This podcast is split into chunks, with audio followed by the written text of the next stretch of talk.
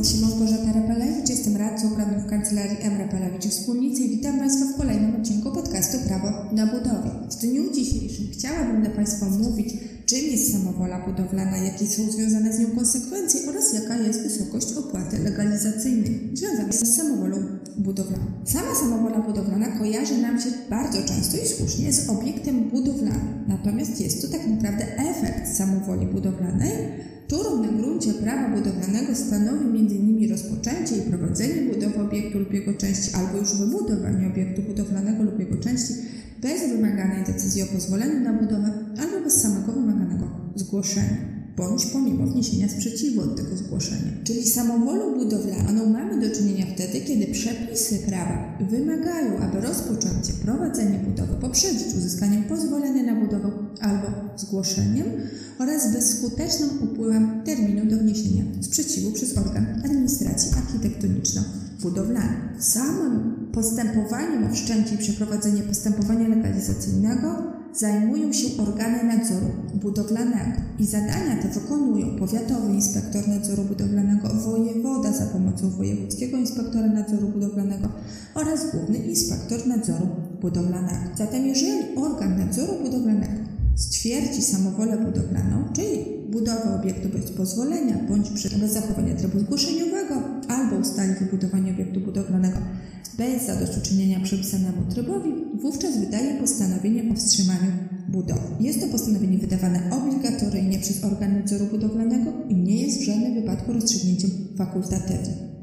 Natomiast jeżeli w wyniku budowy następuje stan zagrożenia życia bądź zdrowia, w postanowieniu o wstrzymaniu budowy organ nadzoru budowlanego nakazuje bezzwłocznie zabezpieczenie obiektu budowlanego lub terenu, na którym prowadzona jest budowa oraz usunięciu stanu zagrożenia. Postanowienie o wstrzymaniu budowy obiektu jest oczywiście zaskarżalne. Zaskarżalne zażalenie, które wnosi się w terminie 7 dni od daty doręczenia stronie. Przepisy prawa budowlanego przewidują jeszcze dodatkowy element postanowienia o wstrzymaniu budowy w postaci informacji o możliwości złożenia wniosku o legalizację obiektu budowlanego lub jego części oraz konieczności wniesienia opłaty legalizacyjnej. W tym momencie inwestor może podjąć decyzję, czy zainicjować postępowanie legalizacyjne, czy oczekiwać na bezskuteczny upływ terminu na wystąpienie z tzw. Tak wnioskiem legalizacyjnym i liczyć się oczywiście z konsekwencją samowoli budowlanej, to znaczy rozbiórką obiektu lub jego części. Inwestor, właściciel, zarządca obiektu budowlanego może bowiem złożyć wniosek o legalizację w terminie 30 dni od dnia doręczenia postanowienia o wstrzymaniu budowy. Natomiast jeżeli to postanowienie zostało zaskarżone, termin 30 dni liczy się od dnia, w którym postanowienie stało się ostateczne. Zakładając, że inwestor zdecydował się o złożeniu wniosku legalizacyjnego, w takim wypadku organ nadzoru nakłada postanowieniem obowiązek dostarczania dokumentów legalizacyjnych w terminie natomiast nie krótszym niż 60 dni. Po przedłożeniu dokumentów legalizacyjnych organ nadzoru budowlanego sprawdza kompletność tych dokumentów oraz zgodność projektu zagospodarowania działki lub terenu z przepisami ustawy, w tym zgodność z przepisami techniczno-budowlanymi. A jeżeli budowa została zakończona, organ nadzoru budowlanego sprawdza zgodność z przepisami obowiązującymi w chwili oczywiście zakończenia budowy. I w przypadku, gdy organ nadzoru budowlanego stwierdzi nieprawidłowość w dokumentach legalizacyjnych polegającą na ich niekompletności, wówczas wydaje postanowienie o usunięciu tych nieprawidłowości w wyznaczonym terminie. To postanowienie jest również zaskarżalne. Jeżeli natomiast dokumenty legalizacyjne są kompletne bądź braki zostały uzupełnione, organ nadzoru budowlanego wydaje postanowienie o ustaleniu opłaty legalizacyjnej. To postanowienie również jest zaskarżalne. Natomiast po uiszczeniu już opłaty legalizacyjnej organ nadzoru budowlanego wydaje decyzję o legalizacji, która zatwierdza projekt budowlany albo projekt zagospodarowania terenu działu oraz zezwala na wznowienie budowy, jeżeli budowa nie została zakończona. W sytuacji, kiedy decyzja legalizacyjna zostaje zaskarżona i uchylana jest w postępowaniu odwoławczym, to opłata legalizacyjna jest zwracana w terminie 30 dni od dnia stwierdzenia wykonania rozbioru. Co do samej wysokości opłaty legalizacyjnej, przepisy prawa budowlanego dla poszczególnych kategorii obiektów przewidują odpowiednie wzory, które, których zastosowanie jest niezbędne do ustalenia wysokości opłaty legalizacyjnych.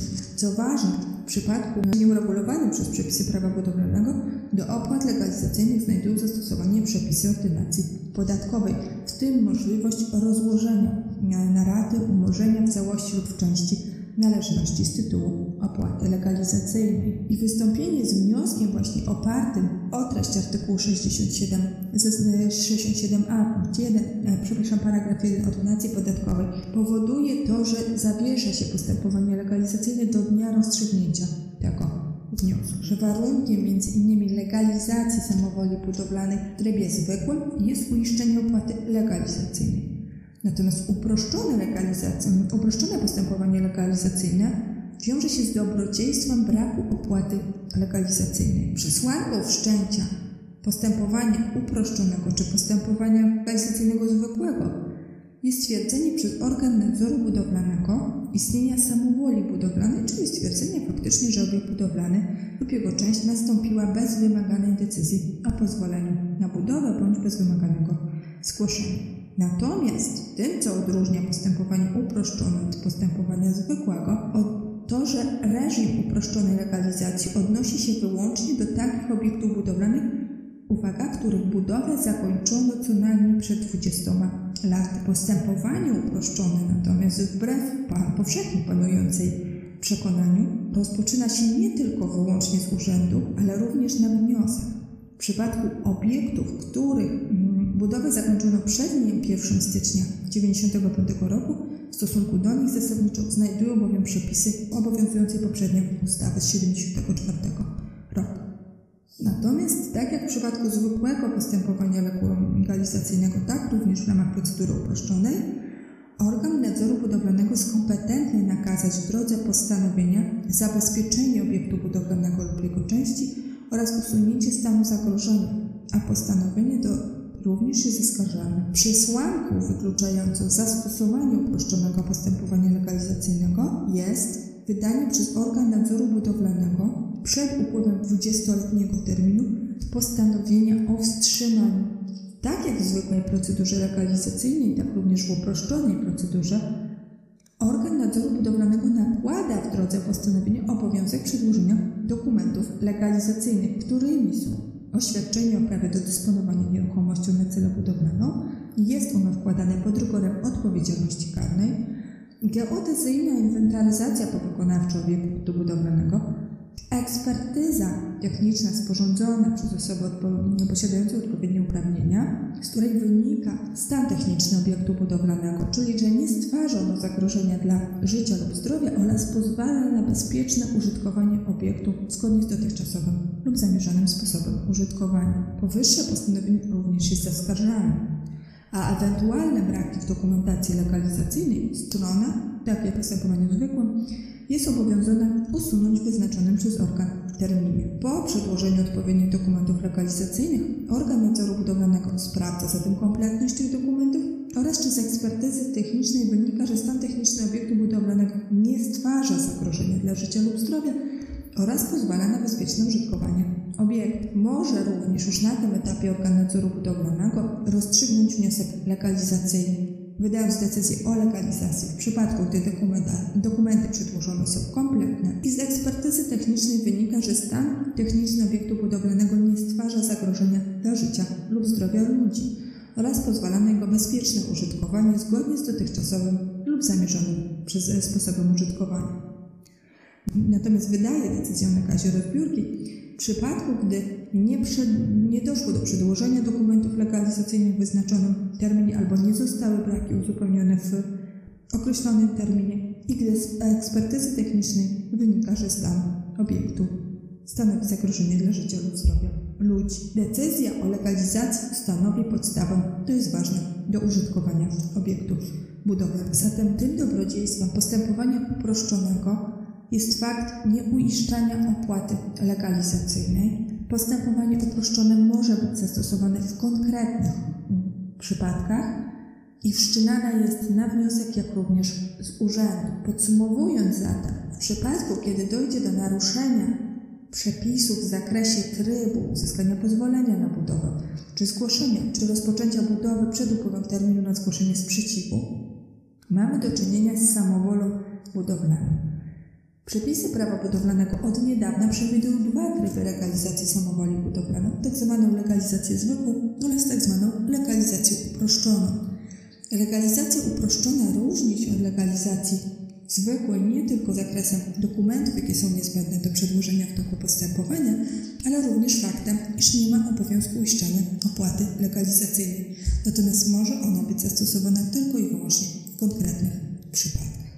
Musimy pamiętać o tym, iż tryb legalizacji uproszczonej nie może być zastosowany w sytuacji, kiedy organ wydał decyzję o wstrzymaniu budowy przed upływem 20-letniego terminu. Bezsprzecznie inwestor powinien mieć świadomość okoliczności, które uprawniają do wszczęcia i przeprowadzenia postępowania legalizacyjnego, orientować się nie tylko w modelach przebiegu takiego postępowania, lecz również w kwestiach wpadkowych, które w toku postępowania mogą być procedowane przez organ nadzoru budowlanego. Zatem warto rozeznać się również w przysługujących środkach odwoławczych, aby w pierwszej kolejności zdawać sobie sprawę ze skarżalności określonych rozstrzygnięć. Zatem podejmując czynności mające znaczenie z perspektywy prawa e, budowlanego należy postępować rozważnie i oceniając przede wszystkim, czy określona inwestycja wymaga podjęcia wymaganych prawem kroków. Ten sposób bowiem unikniemy samowoli budowlanej i jej konsekwencji, mogących się oczywiście na ujawnić na wiele lat po fakcie. W sferze bowiem prawa administracyjnego samowola budowlana nie ulega przedawnieniu, a jej konsekwencje faktycznie mogą się objawić po kilku, kilkunastu latach i postępowaniem wbrew przepisom prawa budowlanego, co również może się wiązać z odpowiedzialnością prawnokarną. Zatem musimy przed rozpoczęciem inwestycji budowlanej ustalić, czy podjęte czynności mieszczą się w zakreślonych dla którejkolwiek z trybów legalności, czy powinniśmy wystąpić o pozwolenie na budowę, czy dokonać zgłoszenia, tak abyśmy w przyszłości nie mieli większych problemów z użytkowaniem obiektu budowlanego, który będzie przedmiotem inwestycji.